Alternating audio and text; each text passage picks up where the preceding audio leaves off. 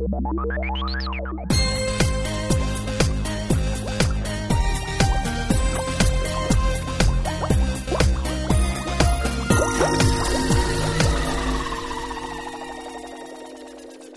velkommen til dagens episode av Rosa Vegaglass. Har nytt og spennende tema. Hei, Gro. Hei, hei, Cecilia. I dag så skal vi ha om ismeri. Og det er jo litt av et tema, Gro. Ja, det er ganske mye å holde styr på. Det, det er jo selvsagt som vanlig spennende, som vi sier, da. men uh, her er jo veldig mange begrep, og her er det veldig lett å bli forvirra. Vi skal prøve å forenkle det så mye som mulig, sånn at uh, dere ikke drar inn altfor mye kompliserte definisjoner. Uh, for målet er jo at dere skal skjønne hovedessensen av hva det her går ut på. da. Vi kan jo også si at uh, i dag så filmer vi fra heimekontoret, for vi er låst ute av campus. Ja da, så da blir kanskje lydkvaliteten ikke studiokvalitet, men vi håper at dere hører oss greit uansett, da. Ja, og god oppladning med, med organisk kjemi fram til påske nå. Ja, det er litt sånn påskespesial. Da kan det være greit å tenke litt på stereoismeri, kanskje, i påska. Jeg vet ikke. Klarer vi å dra det mot uh, påsketema, Cecilie? Hva er det vi ikke klarer, Gro? ja, hva er det vi ikke klarer? Vi må tenke litt på det mens vi snakker, om vi klarer å tenke litt påske oppi det her. Ja, kanskje hvis vi snakker litt om uh, vin. Vet ikke. Absolutt. Det er masse vin relatert til isomeri. Mm, det er sant. Men altså, hva er isomeri, Gro? Ja, hva er egentlig isomeri? Og uh, egentlig skiller vi med to hovedklasser. Det er stereoisomeri, og så er det strukturisomeri. Hvis man tenker i utgangspunktet at man har en molekylformel, f.eks. C2H5OH, det er jo da molekylformelen for uh, etanol. Men akkurat den sammensetninga med to karbon, fem hydrogen, nei, seks hydrogen blir det vel egentlig, på et oksygen, kan jo også settes sammen til dimetyleter. Så molekylformen sier egentlig ingenting om hvordan det her er bygd sammen. Og hvis man f.eks. endrer struktur og endrer på funksjonell gruppe, sånn som det jeg beskrev nå, så kaller vi det for strukturisomeri. Så da er det sånn at de atomene som finnes i molekylformel, de kan bare kastes opp i lufta og settes sammen på helt nye måter, som danner helt ulike stoff. Da kaller vi det strukturisomere. Men stereoisomere er litt annerledes. Her er alle funksjonelle grupper intakt. Men stereoisomeri det er variasjon rundt et bestemt karbon i forbindelsen. Det kan være mer enn ett karbon det er snakk om, men det kommer litt tilbake til. Men hvis vi konsentrerer oss om det ene karbonet i molekylet Hvis det ene karbonet i molekylet er knytta til fire ulike grupper Det kan f.eks. være ei karbonkjede på B-karbon, det kan være fluor kobla til, ei OH-gruppe kobla til og klor kobla til Så har vi mulighet for å få to varianter av dette karbonet. Og hvis man bytter om plass på to av gruppene som er kobla til, så får vi en annen variant med helt andre egenskaper når det gjelder noe som heter optisk aktivitet, som vi også kommer tilbake til. Men de kan f.eks. i kroppen så kan det være et aktivt molekyl hvis vi har den ene varianten, men så har vi et ikke-aktivt molekyl hvis vi har den andre varianten. Fordi molekylet får da forskjellig form. Og hvis man da f.eks. har en reseptor, så eh, passer plutselig ikke molekylet inn i den reseptoren lenger hvis at det er bygd opp på forskjellige måter. Men bare husk at alle funksjonelle grupper er intakt. Så hvis det er f.eks. aminosyre som har et karbon som er knytta til fire ulike grupper, så er det fremdeles ei aminosyre. Men vi har to varianter av den aminosyra. Uh, har du lyst til å si litt om uh, det med viralitet og stereogent senter, Cecilie? Det kan jeg, vet du. Det her er jo et uh, tema som vi har diskutert masse i dag, så vi syns det er kjempespennende. og vi kan jo si at hele kapittelet her det handler jo om at du har molekyler med lik molekylformel, og så har du forskjellige varianter til dem. Og det som gjør det veldig spennende, er disse her stereogene sentrene, eller kirale sentrene, der du har ett karbon som er bundet til fire forskjellige grupper. Og det her gir jo muligheter til å lage litt speilbilde, eller at det gir litt ulike varianter av samme molekyl, som egentlig er bundet likt, men litt forskjellige orienteringer i rommet.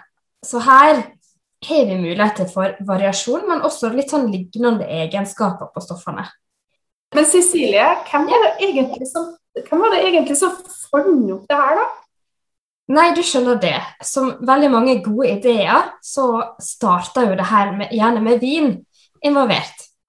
Og det var jo Pasteur sjøl som i 1848 eh, eksperimenterte med vinkrystaller, altså krystaller av vinsyre, og oppdaga at det fantes to forskjellige former av disse krystallene her, som man kunne se i krystallene.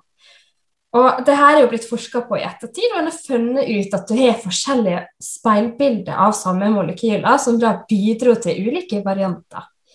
Som sagt, det kan ha, ha lignende egenskaper, men det er noen forskjeller mellom dem altså, som er veldig interessant, og spesielt når vi begynner å studere biologien oppi det her, hvordan kroppen reagerer på det. Og da er vi godt inne i stereoisomeri-verden. Altså, vi har lik molekylformel, slik som vi har med alle isomerer, men eh, atomene de er forbundet likt med forskjellige grupper, men de er orientert ulikt i rommet. På stereoisomerene så har du da enantiomerene, som er da en variant der de to formene er da speilbilder av hverandre. Og hvis du legger dem oppå hverandre, så overlapper ikke de. Så de er ikke identiske. Motsatt tilfelle så har du diastomerene, som er da den andre type forma, der du ikke har speilbilde i det hele tatt, og de er heller da ikke identiske. Så det her er jo utrolig spennende at lignende molekyler kan ha så like egenskaper, men samtidig være så forskjellige. Ja, det er sant, altså. Det er, det, ofte så er det jo sånn hvis vi snakker om aminosyrer i kroppen, f.eks., så har vi essensielle og ikke-essensielle aminosyrer. Og det, det er rett og slett forma. Altså om grupper, hvordan gruppene er plassert i forhold til hverandre rundt det her karbonet da, som vi kaller for et stereogensenter, eller et kiratsenter. Og eh, det var som jeg sa innledningsvis, Her er veldig mange definisjoner, og her er veldig lett for at man går litt i tullball med de her definisjonene. Fordi eh, sånn som Når vi sier kiratsenter eller vi sier stereogensenter, så mener vi egentlig det samme. Vi mener det karbonet som er bundet til fire ulike grupper. Så hvordan skal vi da skille mellom de her to variantene av ett og samme karbon? altså Karbonet er jo det samme, da, men det er bundet til fire ulike grupper.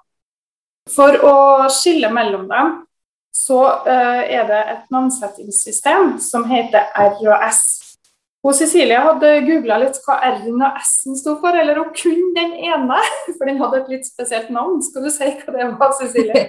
jo, så heldig jeg som får si det.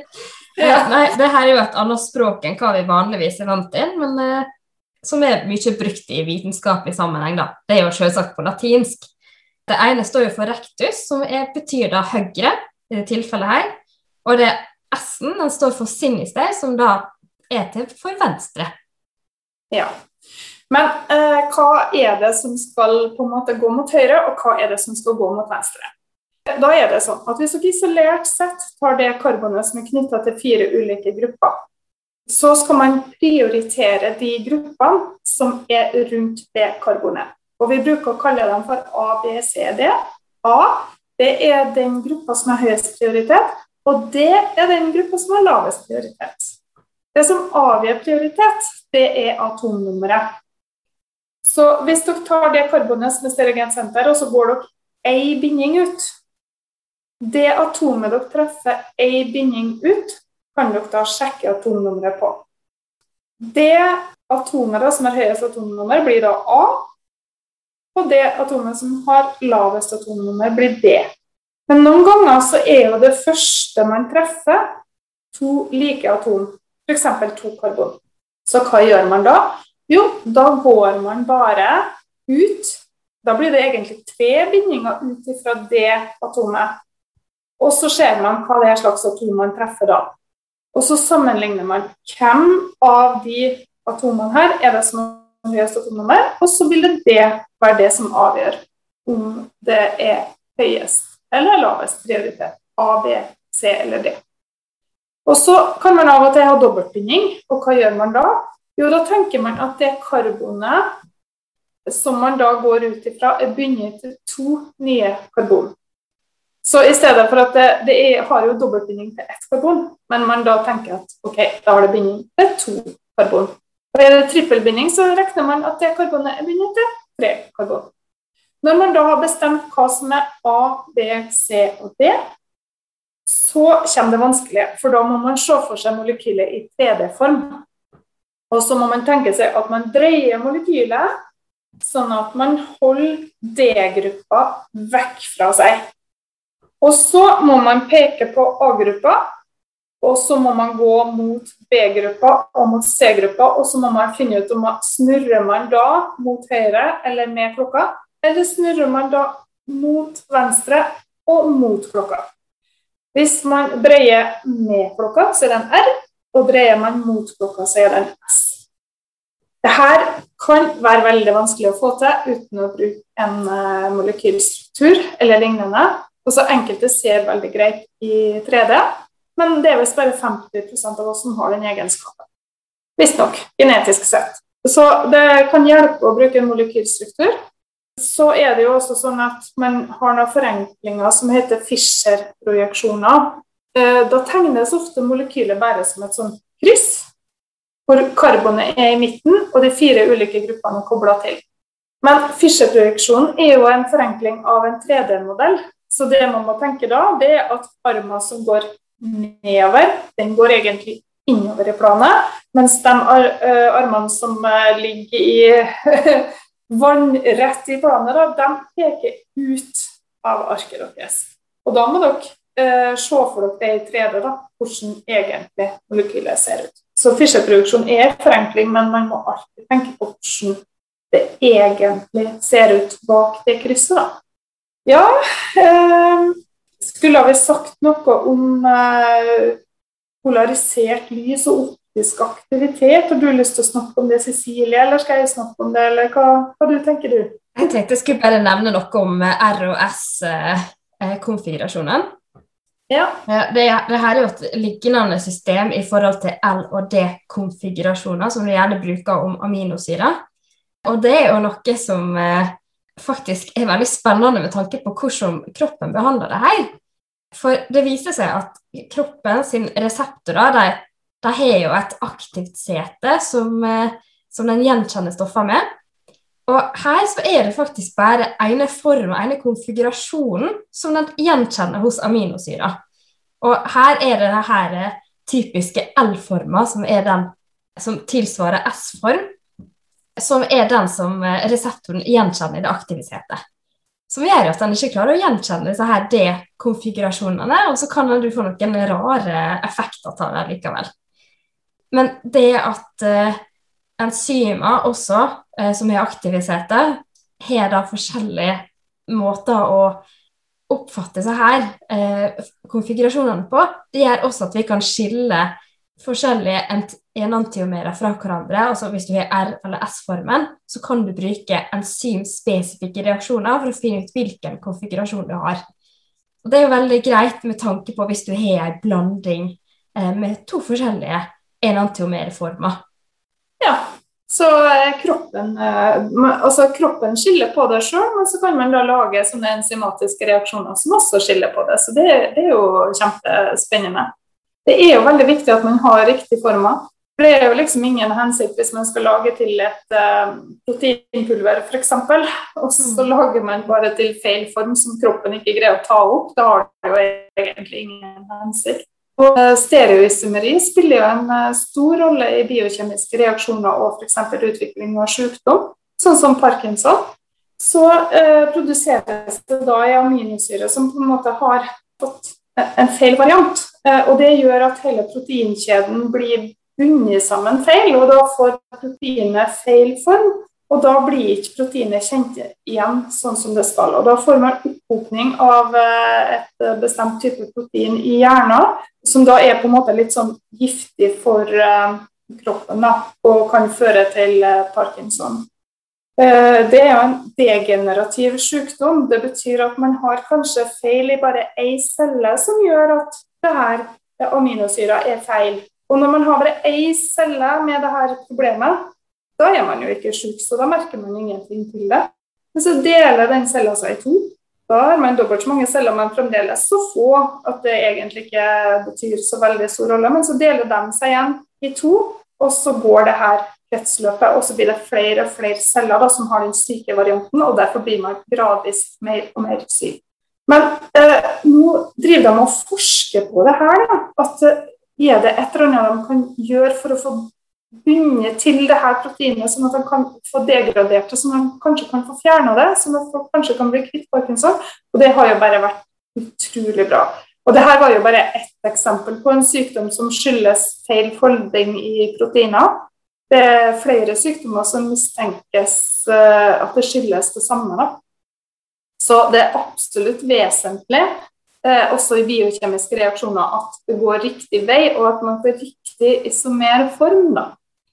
Utrolig ja. viktig.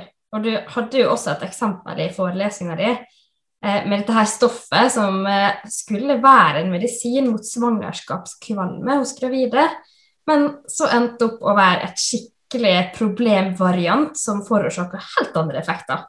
Vil du si litt om den, eller? De fikk faktisk, de fikk faktisk produsert eh, riktig variant, men det de ikke tenkte på, det var at de fikk rosemisk blanding, sånn at de fikk 50% av eh, den ene riktige varianten, og så fikk de 50% av den varianten som ikke var riktig. Og den varianten som ikke var riktig, den førte til at fostra ble deformert og dødfødsler. Og, så det var jo kjempetragisk.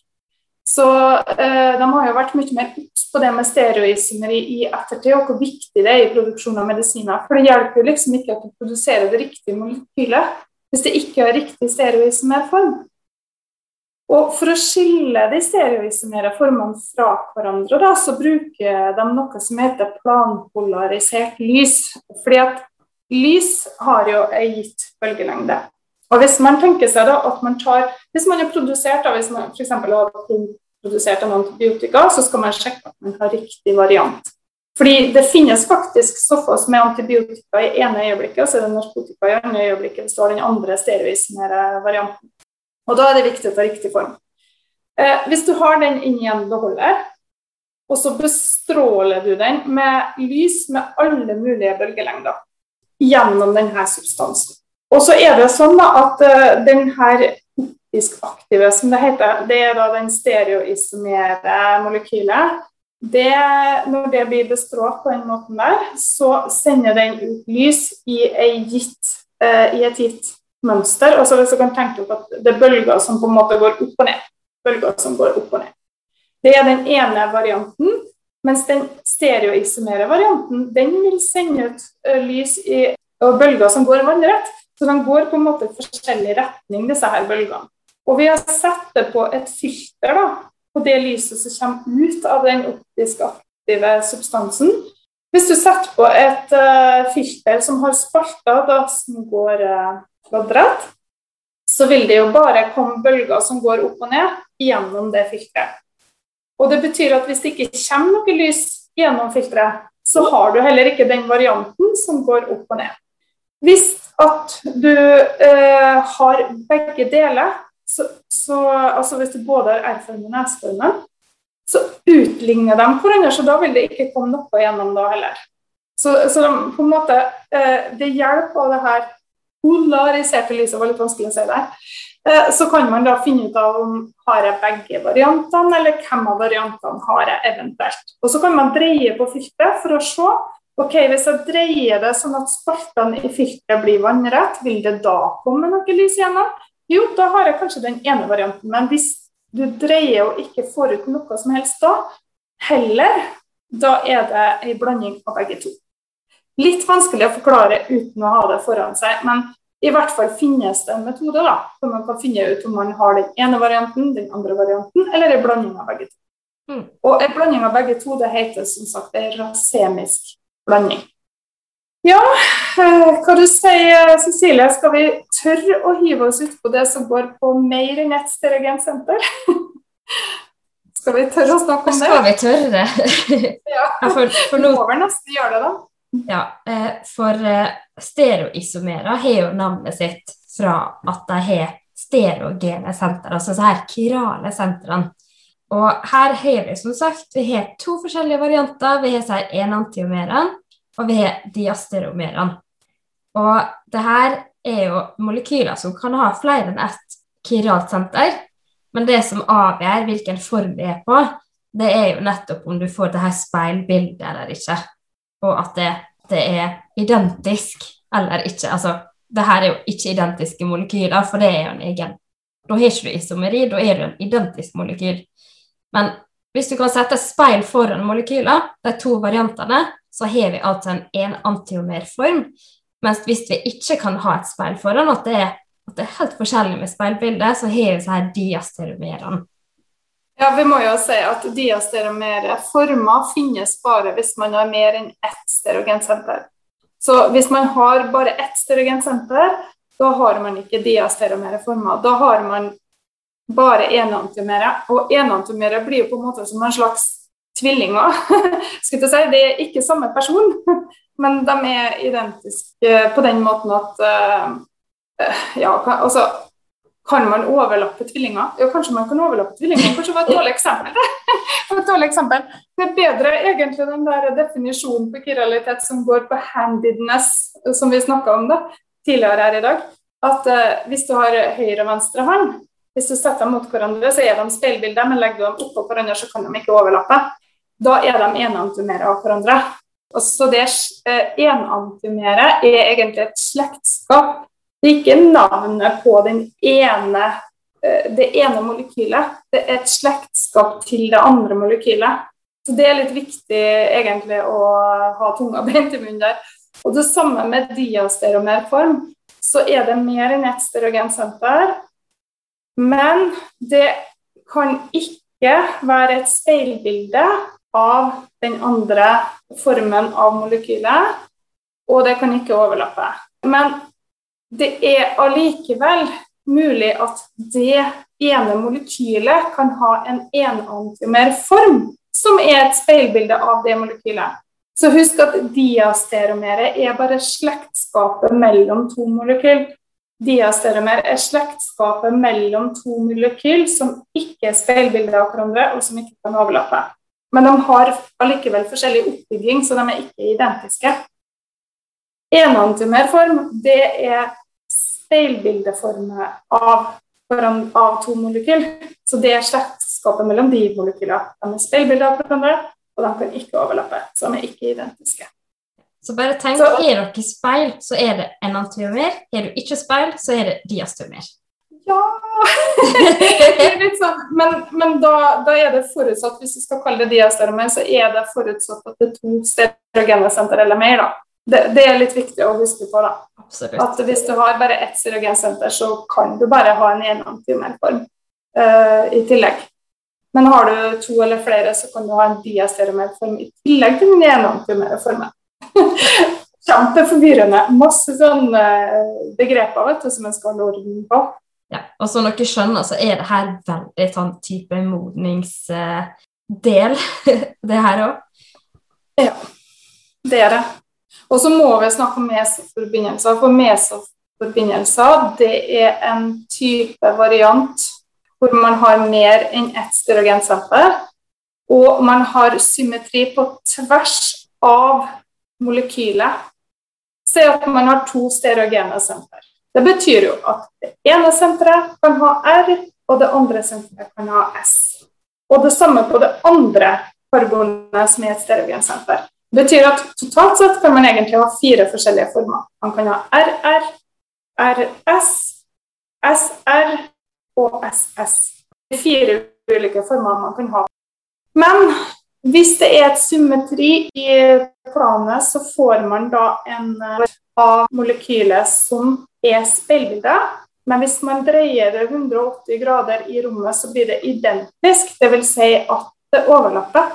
Og hvis det er speilbildet og det kan overlappe, da er det ikke lenger en variant, for da er det det samme molekylet. Da er det identisk. Så mesoforbindelser får én stereoisomer form mindre.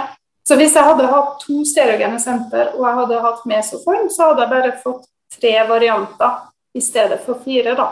Fordi mesoformene, slektskapet mellom mesoformene er at de egentlig de er speilbilder, men de er identiske hvis du dreier det 180 grader i rommet. Og man må jo alltid tenke i 3D-form her, da. Ja, og så er det jo sånn at eh, stereoisomeri før og etter reaksjon kan jo også være veldig forskjellig.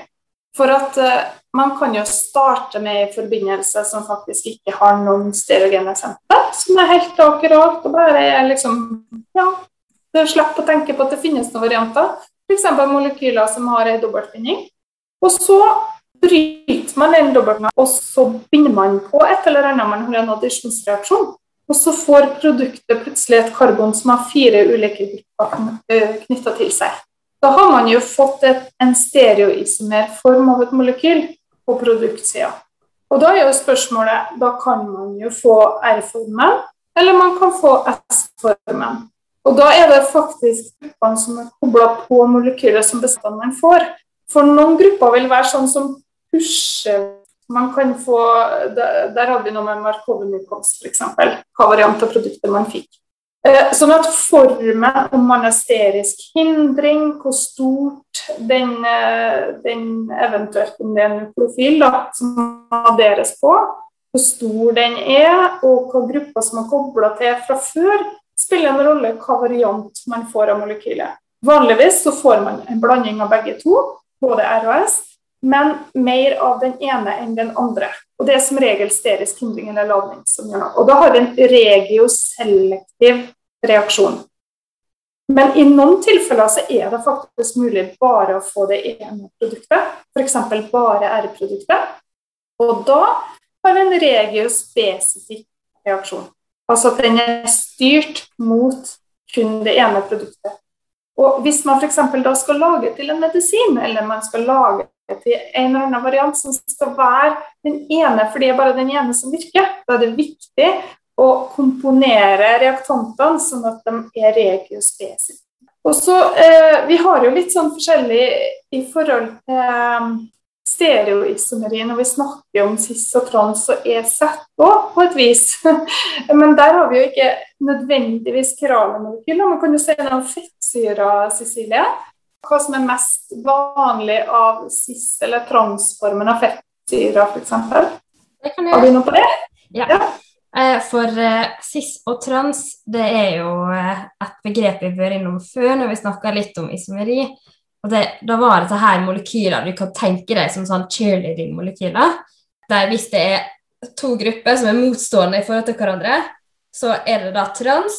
Men hvis du har har da grupper som er likens i forhold til planen i molekylet, så har du da cis.